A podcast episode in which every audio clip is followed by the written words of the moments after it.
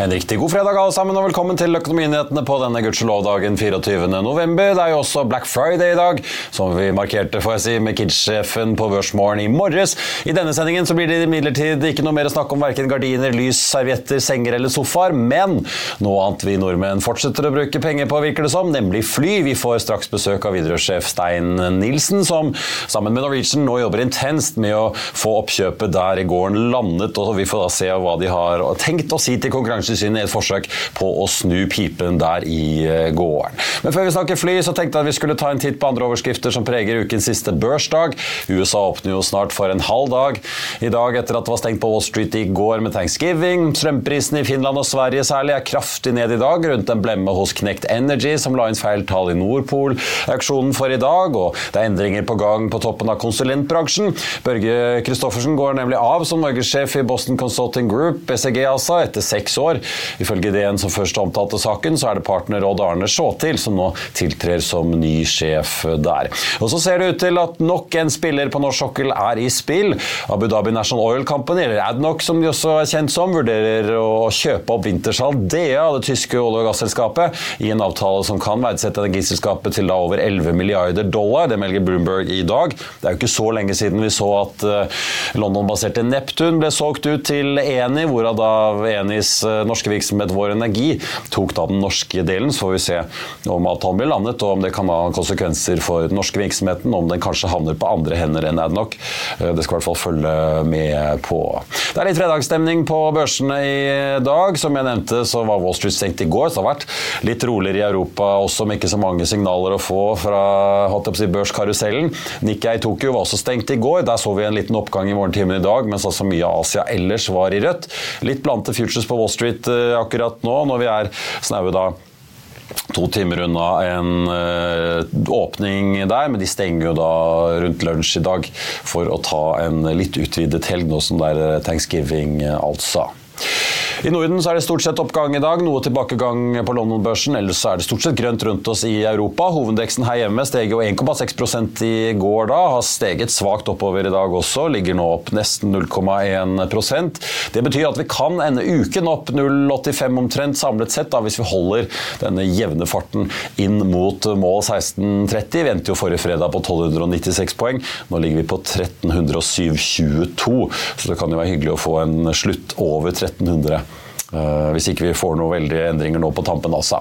Noen enkeltaksjer det er verdt å nevne. Dagens vinner utvilsomt opp 300% av Wilco Drilling, som eh, i går eh, ble satt på børspause før de meldte at de altså får inn 43 millioner dollar pluss et ukjent ekstrabeløp for renter og andre diverse kostnader i denne voldgiftssaken mot Singapore verft Keppel.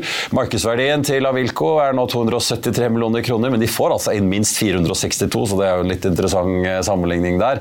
NRC Group, infrastruktur og jernbane teknologiselskapet faller kraftig i dag og er dagens uh, taper og er den som faller mest på Oslo Børs, ned 13% nå etter kvartalsrapporten der, hvor vi ser at det er fall i resultatene, fall i ordreinngangen og også et kutt i guidingen. Med dagens uh, fall på drøye 10 altså, så er aksjen ned rundt 20% så langt i år.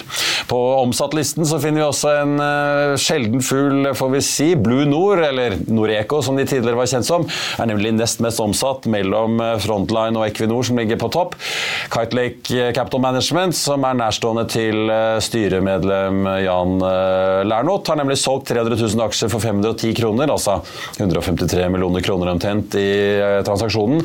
Kite Lake sitter igjen med 18% eierskap, eller 4,7 millioner aksjer etter dette salget, pluss da eierskap i et konvertibelt lån.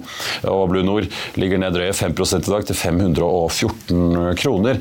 Altså litt over da denne kursen som alle aksjer fra Kite Lake ble solgt solgt eh, på. Cirka Group eh, har meldt om at de har fått ny sjef. Den aksjen er opp en halv prosent i dag. Og så har det kommet eh, bud fra Ferd og en partner på eiersiden der på Aunex Road-selskapet Mintra på 3,50. Den aksjen ligger på 3,44, så litt under budprisen der. Ellers verdt å merke seg at Adevinta også ligger langt opp på omsetningslistene i dag, men de faller litt tilbake etter to dager med opptur etter at det ble kjent dette budet fra Permira og Blackstone. Aksjen ligger fortsatt på 111,20.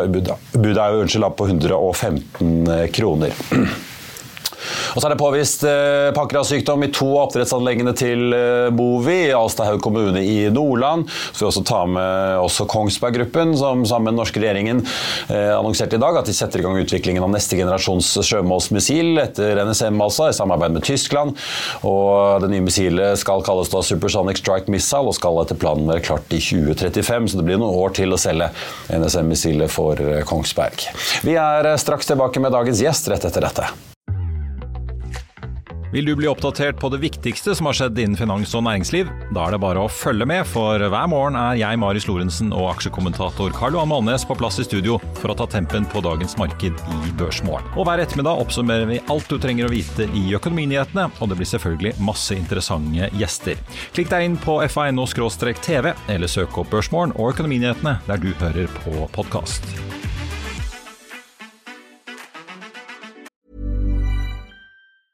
I'll see you in court. Vi sier det ofte litt på spøk, men for deg som driver business, er det aldri moro å innse at du ikke har laget en 100% gyldig kontrakt. Du bør ikke risikere hele firmaet ditt fordi du synes dette med kontrakter er litt stress. En avtale er ikke en avtale. Du kan miste kunder, miste venner, ja, til og med miste inntekter om du ikke lager en skikkelig kontrakt, på alt mulig, egentlig. Men vi vet det er et styr kopimaskiner, tregprinter og haugevis av papir. Dessuten stoler vi jo på folk her i landet. Det er ofte litt kleint å skulle be om en signatur for alt mulig, ja, for mye av styret handler også om jakten på underskriften. Det finnes en enkel måte å løse dette på, Dukkobit, en trygg, effektiv og get this, gratis måte å sikre seg en god natts søvn pluss en juridisk bindende avtale. Dukkobit-appen har de strengeste sikkerhetskrav i bunn, samt en EU-godkjent og sertifisert teknologi. Framover vil det bli behagelig å spørre du, skal vi skrive under på det, eller? Kom i gang på dukkobit.no.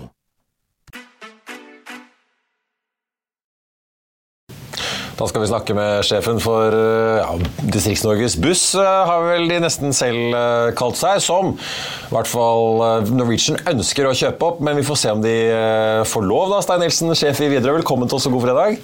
Takk, hyggelig å være her. Kanskje vi skal begynne, før vi snakker om flymarkedet, begynne med dette oppkjøpet og fusjonen med Norwegian. Vi hadde Tina Søreide, sjefen i Konkurransetilsynet, her sist fredag.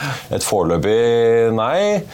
Det virker jo som det koker ned til innenriksrutene, for de var ganske åpne på at eh, dere og Norwegian har jo kommet med noen eh, tiltak på bakketjenestesiden. Hva, hvis du først begynner, hva tror dere selv nå? da? Tror dere klarer å få tilsynet til å snu? Nei, altså Vi er veldig veldig overraska over den, den posisjonen som, som, tilsynet tok i, i det varselet. Det, det overraska meg mye etter alle de møtene vi hadde. Vi har jo stor respekt for at dette er komplisert og, at de har en jobb å gjøre opp mot konkurranseloven. Men både vi og Norwegian står i en heftig europeisk konkurranse. Eh, og vi ser jo nå at eh, det blir en kobling mellom Air France, KLM og SAS. og Det er ganske uforståelig for oss at to ruter på Vestlandet, der vi flyr begge to, skal være det som velter eh, en mulighet til å lage et veldig veldig sterkt norsk luftfartsmiljø. Eh, så vi har på noen, vi har ikke gitt opp på noen måte, så, så, vi skal jo eh, prøve å argumentere så godt som vi kan i vårt tilsvar til dette varselet. Men, men jeg er både overraska og forundra over at, at, det skal være så vanskelig å få til et, et sterkt luftfartsmiljø i Norge som Konkurransetilsynet legger til grunn. Ja, for Det virker som dere ser litt forskjellig på markedet. Da jeg snakket med de, og det er jo sikkert dere enig i, så hvis du ser på kystflyplassene, Ålesund og sørover, Trondheim inkludert, og sørover rundt, så kan jo British Airways, KLM og de fleste fleste Ryanair og alle fly rett inn hvis marginene blir for gode i Norge og frister passasjerene direkte ut og ikke går via Oslo eller Bergen. Eh, og selvfølgelig fra Bergen og Oslo så kan man jo fly inn. Men det virker ikke som de tror at noen kommer til å etablere seg på norsk innenriks, og da virker de jo litt sånn bekymret for eh, at ja, selvfølgelig dere og Norwegian har noen få ruter hvor dere flyr begge to, men de er også opptatt av at eh, ok, noen flyr via Oslo med Norwegian, men veldig mange flyr også via Bergen med dere, der hvor dere har hub. Og der i praksis konkurrerer dere mye mer med Norwegian enn det dere og Norwegian har egentlig presentert det som til oss andre. Da. Hva tenker du om det?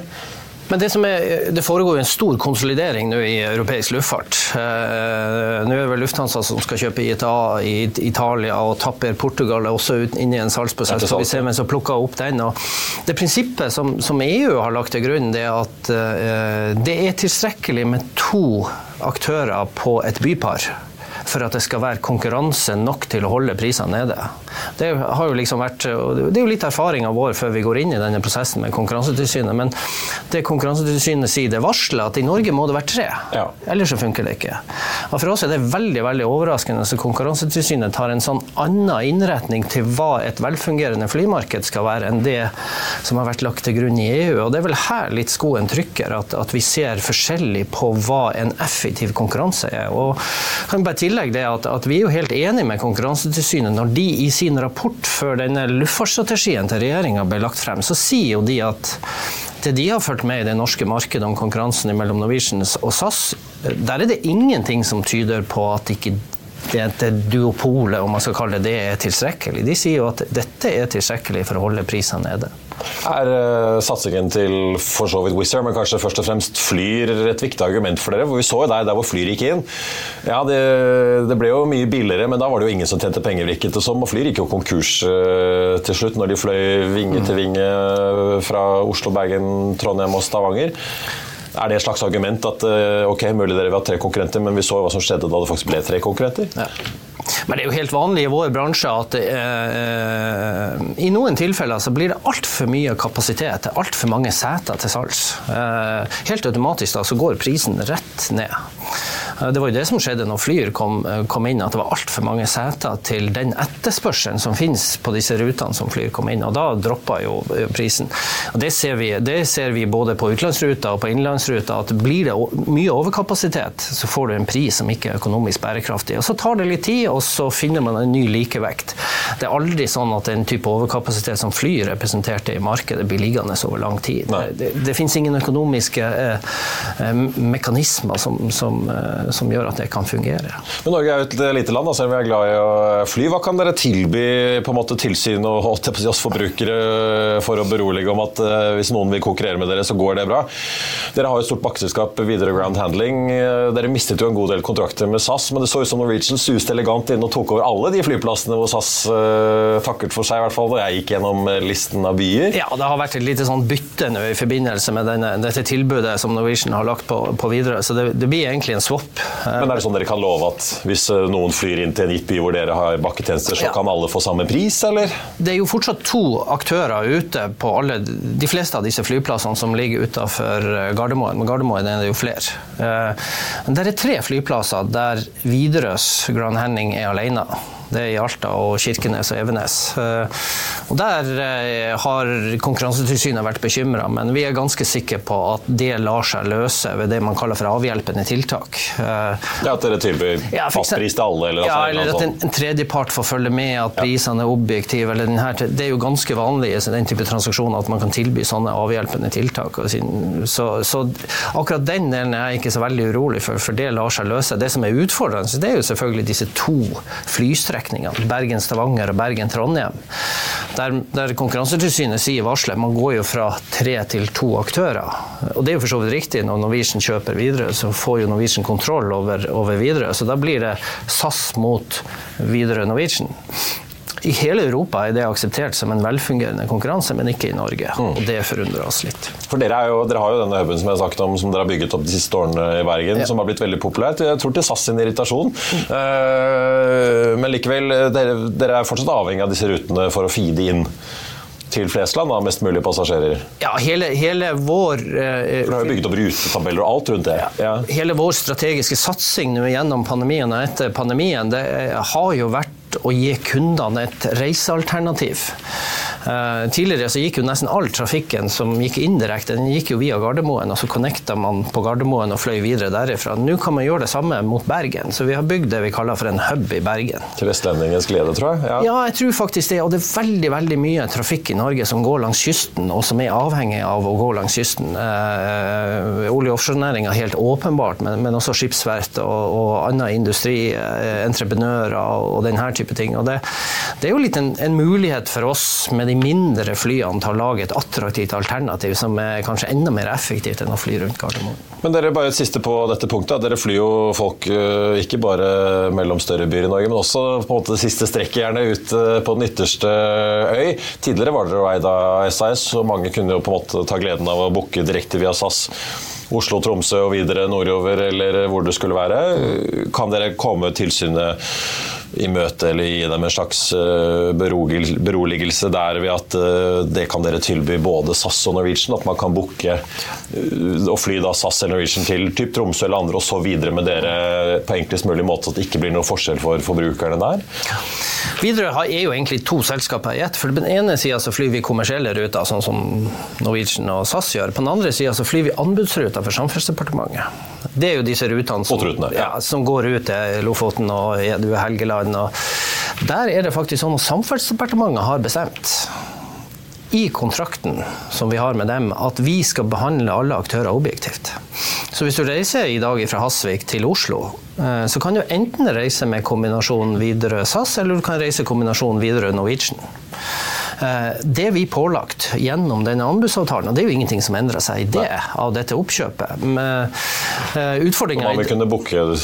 Utfordringa ja, i dag er at? Eller? Ja, utfordringa i dag at kombinasjonen med begge finner du bare på Widerøes distribusjon, altså på Widerøes hjemmeside. For Norwegian har litt tekniske utfordringer med å få dette til.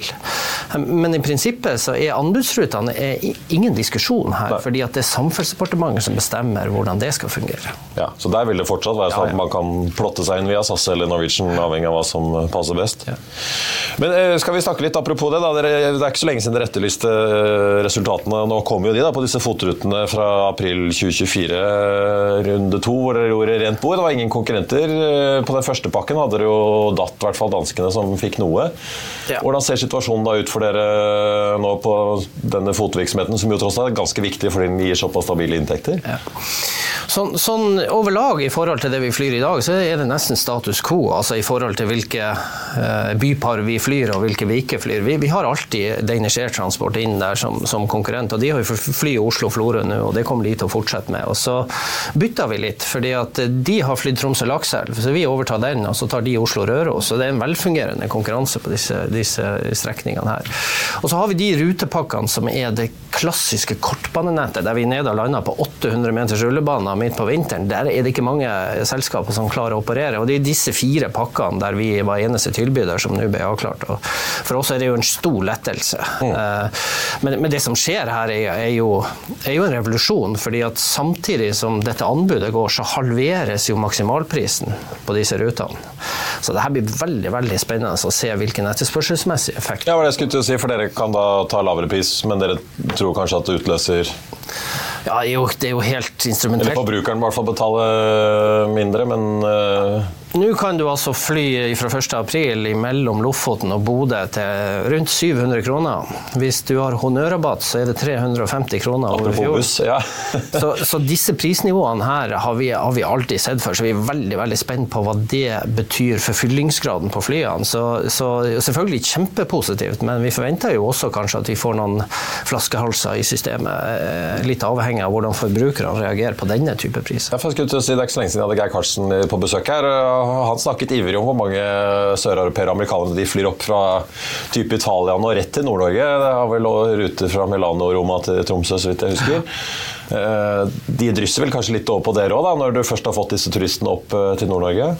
Ja, og tidligere har det jo vært sånn at eh, f.eks. de store turiststrømmene inn til Lofoten har jo mye gått til Evenes. Altså har man bussa de inn i Lofoten. Med, med denne type priser så kan man jo godt tenke seg til at veldig veldig mange vil fly direkte inn i Lofoten. Så veldig spennende for oss. Og, men, men, det er ingen av oss som har prøvd å senke prisene med 50 før verken Samferdselsdepartementet eller vi som operatør, så det, det her må vi følge godt med. Nybrottsarbeid? Ja. ja.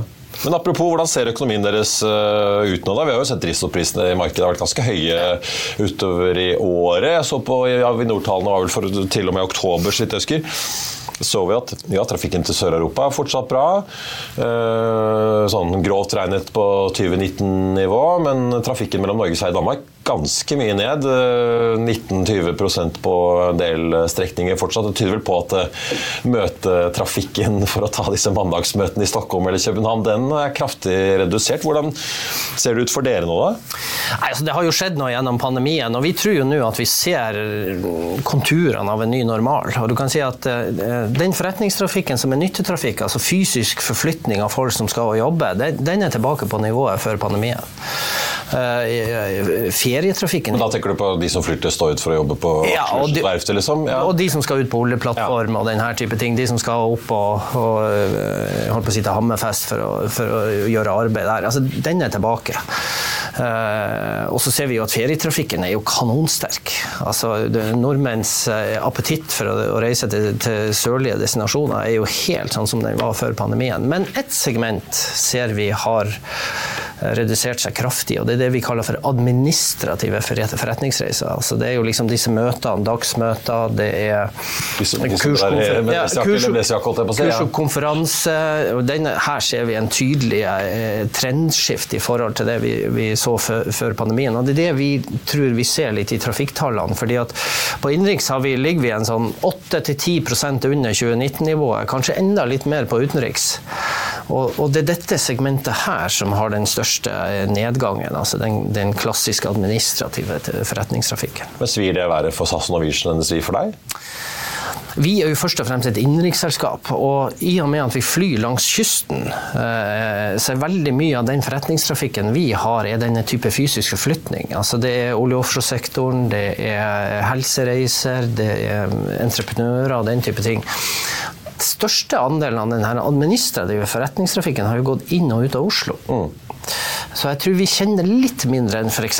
SAS. Ja, var det jeg tenkte. Som flyr, og Norwegian de flyr jo Stockholm, København. Ja. vil, jeg- vil jeg anta. Sånn som, så I hvert fall med, med det synet som vi har på markedet. Men vi tror at dette er uh, den nye normalen.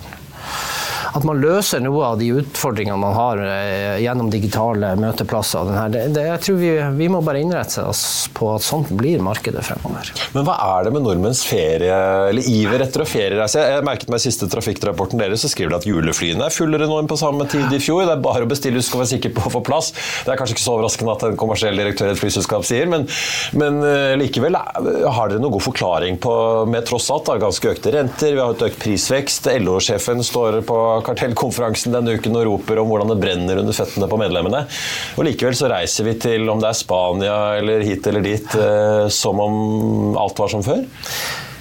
Ja, vi har vært litt, litt sånn forundra, litt sånn spørrende til kan, kan virkelig det være riktig å ha denne type etterspørselen på klassiske feriedestinasjoner når, når de økonomiske parametrene er som de er. Så vi har gjort noen undersøkelser, og det viser seg det at, at det folk svarer til oss, det er at de prioriterer ferie høyt. Det står langt langt oppe på lista, og det er mange andre ting som ryker før ferieturen. Eh, og Det tror jeg jeg kjenner meg igjen i når jeg snakker med, med Sportsutstyr og TV-er og Ja, det- de som kommer ned. Ja. ja, så, så, øh, og når vi snakker med, med kollegaer, altså type Norwegian SAS, så bekrefter de også at de ser den samme tendensen. Og, og for oss i Widerøe, vi flyr jo ikke veldig mye i utlandet, men vi flyr en del på sommeren. Eh, Vi kunne ha flydd fire ganger så mye og fylt det. Eh, Det er en helt umettelig appetitt på å reise ut av Norge på ferie om sommeren. Og skulle du gjerne hatt 20 Embraer-fly og ikke tre? I hvert fall i den perioden. Men de skal jo drives resten av året, kanskje. De skal drives resten av året òg, vet du. Det er det som er utfordringen. Men apropos det, eh, kan du si noe, eller vet dere noe mer om hvordan flåten deres jo se ut gitt at et oppkjøp med Norwegian går gjennom? Skal dere fortsatt drive en liten jetflåte? Skal den bli større? Skal den bort, i tillegg til alle disse propflyene? Det som er jo helt avklart nå for mange år, det er jo denne kortbaneflåta. Så Den føler vi har god kontroll på. Så er det jo alltid en diskusjon på disse kommersielle rutene vi flyr, fordi det har vært vanskelig å finne økonomisk fotfeste etter pandemien med alle de endringene i markedet som har skjedd. Så, så vi sitter jo sjøl og ser hva er det optimale størrelsen på den flåta. Vi har i dag 16 av disse Q400 med 78 seter, så har vi disse tre Embraene. Det er de som har dette regionale kommersielle nettverket. Og, men i øyeblikket er det jo strengt forbudt diskutere noe som helst av denne typen Med Norwegian, med, ja. med Norwegian. Så vi er litt avventende. Men, og det betyr nok også at vi kommer til å prøve å, å stabilisere den operasjonen vi har på disse eh, 19 flyene nå. eh, Inntil oppkjøpet er avklart. Og så vil det jo selvfølgelig bli en diskusjon med Norwegian dersom oppkjøpet blir tillatt, om hvordan det her skal skje i fremtida. Men akkurat nå føler jeg meg ganske bekvem med, med det ruteopplegget vi har satt i forhold til den etterspørselen som er der ute. Og Hvis du kan presentere en investeringscase for Geir Karlsen som er attraktiv, så har du i hvert fall penger å ta fra. alt jeg på å si. De har vel 9-10 milliarder på bok, og kjøper jo dere cash for en drøy milliard hvis de får lov. så... Ja, og så tror jeg det store spillet de neste par årene i, i europeisk luftfart blir å ha kapasitet nok. Airbus og Boeing sliter jo med å levere. Ja, ja og Airbus har, med, i hvert fall med de uh, flyene, 320-flyene som har Pratt Whitney-motorer, så er det jo store utfordringer. Så, så det vi ser nå for neste sommersesong, det er at det vil være lavere kapasitet utbud i markedet enn det etterspørselen er. Rett og slett fordi at det mangler fly, og at man sliter med å få piloter i posisjon fort nok. Og I den sammenhengen så finnes det jo noen muligheter gjennom også å bruke den kapasiteten som Widerøe har til å forsterke nettverk. Vi må snakke litt til slutt om uh, rammene rundt her. Da. Nå er jo ikke Danmark det største markedet deres, men likevel der ser det ut som det kommer en flypassasjeravgift slik vi har i Norge. Og så har vi jo både kunnet lese Aftenposten, men vi har også hørt det her tidligere i år fra Avinor-sjef Abraham Foss om at uh, spillet er ganske høyt i Avinor om dagen hvis ikke de klarer å snu utviklingen. Fordi de, som de selv skriver regnskapet sitt, hvis ikke vi får snudd ja, utvikling rett og slett med trafikken som ikke er helt tilbake, fremtidsprognoser som kuttes, uh, taxfree-inntektene er ned, så kan de bli nødt til å skrive ned store store verdier. Det kan utløse igjen da mislighold av lån eller brudd på lånevilkår, så her kan jo mye skje. nå ser det ut som det har kommet en slags redningspakke eller forslag fra samferdselsministeren hvor eh, han lover at vi skal ha like mange flyplasser, men avgiftene kan gå opp noen steder og kanskje gå ned noen andre. Hva, hva tenker du om hele situasjonen Avinor er i, og den redningen som regjeringen ser ut til å forsøke seg på her? Jeg har stor sympati med de utfordringene som Avinor har. Det er jo det vi i den flygende delen av bransjen har streva med gjennom hele pandemien. Vi hadde nok ønska kanskje at Avinor var litt røffere på sin egen effektivisering før de kommer i den situasjonen. Så, så tror jeg ikke de evner å løse hele problemet sjøl. Så det første forslaget fra Avinor om avgifta for 2024 gjorde jo at vi fikk nesten eh, hjertestopp. Det var mye høyere enn det, det ministeren endte med å legge inn? Ja. Så jeg syns jo ministeren og Samferdselsdepartementet har vært veldig veldig klok her. For de, de tar en, en, litt høyere eh, økning enn konsumprisindeksen, men, men, det er nok noe som er i nærheten av det vi klarer å håndtere. Det andre alternativet har vært helt, eh, helt håpløst. Så, så tror vi også at her må man gjennomgå hele det man kaller for Avinor-modellen. fordi at Avinor holder på med mye som ikke er relatert til det som er å legge til rette for oss flyselskapene. Det er jo å holde flyplasser åpne for ambulanse. det er jo Nygaard sa at Helse- og justisdepartementet måtte ja. sin del av kaken her, men det er jo ikke så lett i sånne regjerings- og budsjettforhandlinger nødvendigvis. Men, Nei, men jeg tror, jeg tror, det er viktig å rydde opp kanskje i styringsmodellen. Altså, fordi at uh, Vi opplever jo av og til at uh, Avinor blir, får oppdrag som kunne ha vært gjort billigere hvis den som ga oppdraget, måtte betale. Og Det er jo et prinsipp liksom, som er veldig fornuftig, at den som skal ha løst noen ting, han også tar regninga. Mm. Da får du en nøysomhet. Og jeg tror vi, vi, i bransjen har vært veldig tydelige overfor Avinor at, at vi mener at vi må, vi må se på standarden. Eh, vi må rett og slett senke standarden og bli litt mer nøysomme i forhold til de økonomiske ressursene som finnes i hele luftfartsfamilien. For denne type regninger overvelta til flypassasjerer og til flyselskap, det kommer til å gå veldig veldig galt i Norge. Og dere risikerer jo at apropos folk eh, prioriterer og strammer inn på jobbreise, at det strammes inn enda mer fra bedrifter fremover hvis prisene øker? Ja, men økonomien i flyselskapene tåler åpenbart ikke den type eh, som Avinor har behov for. Og eh, folk i Norge må fly. Norge fungerer ikke uten fly. Så, så, skal vi få det på toppen av alle andre innsatsfaktorer som nå øker, eh, særlig den, den, svake norske krona, så tror jeg det blir utrolig tungt å drive virksomhet. Og, og det bor i hvert fall i de ytterste delene av Norge. Men eh, nå sitter jo Avinor med veldig mye, veldig mye forpliktelser låst inn. En ting er jo oppdraget de får, men veldig mye investeringsprosjekter er jo låst og kan ikke gjøre noe med nå. Og veldig mye av strukturen også. Da. De sitter jo med de flyplassene de har, og de skal driftes altså Taxfree kan jo selvfølgelig politikerne gjøre noe med hvis de vil øke inntektene litt eh, ganske kjapt, men uh, er du enig med Nygaard at alle flyplassene skal Vi skal ikke legge ned neste flyplass her i landet? Eller kan det tvinge seg frem her at vi er nødt til å godta med bedre veier og bedre forbindelser med ferger og tog etter hvert, at kanskje noen flyplasser er nødt til å ryke? Til slutt så er jo det et politisk valg. Vi har jo valgt i videre for mange år siden å ikke ha noen synspunkter på, på flyplassstrukturen. Men det handler jo til slutt om hvilken bosetning man vil ha. Eh, og Så kan man se på Finnmarkskysten og synes at flyplassene ligger veldig veldig tett, men prøv å kjøre imellom de, du. Og nå, eh, Når vinterstormene kommer, så er det jo sannsynligvis fly som er det eneste tilbudet for å komme inn og ut av disse finnmarksdestinasjonene. Så det handler jo om hvilke bosetninger vil man ha i Norge. Mm. Det som vi gjør oppmerksom på, at vi går sannsynligvis mot et teknologisk skifte på de minste flyene når vi passerer 2030 inn mot 2035. At vi får fly som slipper ut betydelig mindre CO2. Kanskje helt ned mot nullutslipp.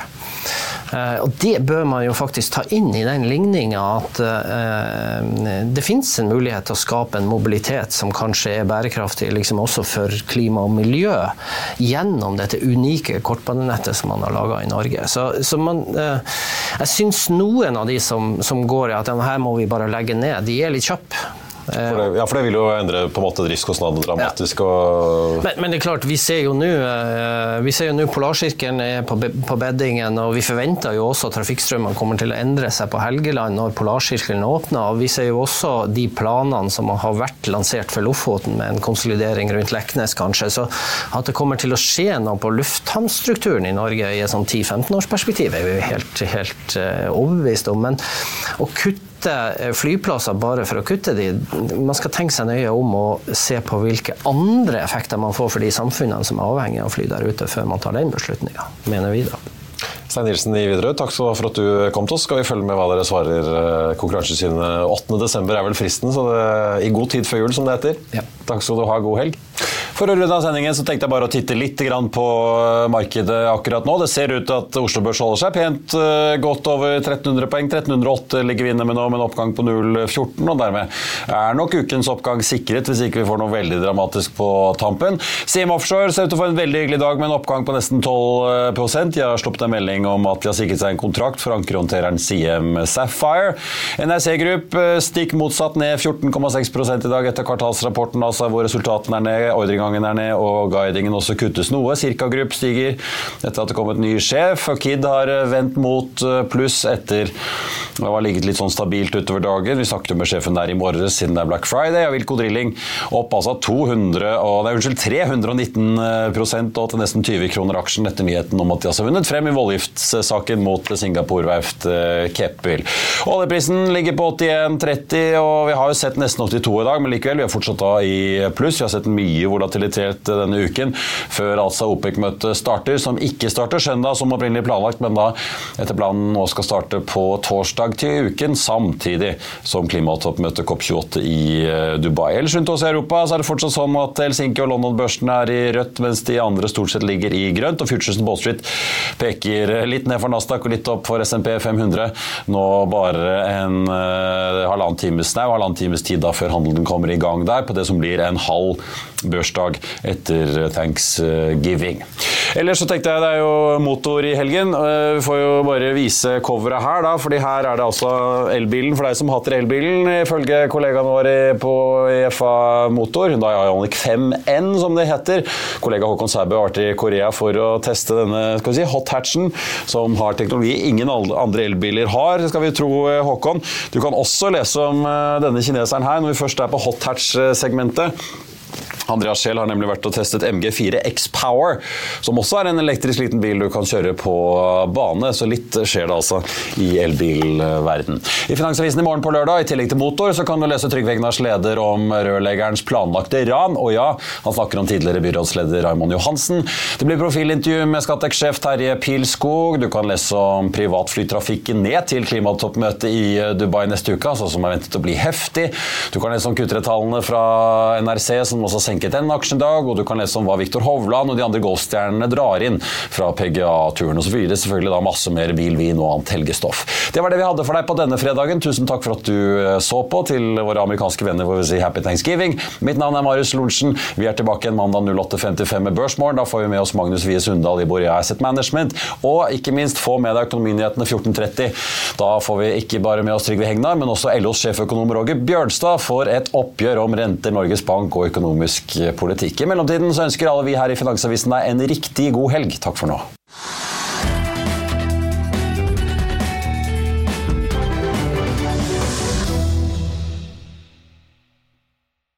Økonominyhetene er en podkast fra Finansavisen. Programledere er Marius Lorentzen, Stein Ove Haugen og Benedikte Storm Bamvik. Produsenter er Lars Brenden Skram og Bashar Johar. Og ansvarlig redaktør er Trygve Hegnar.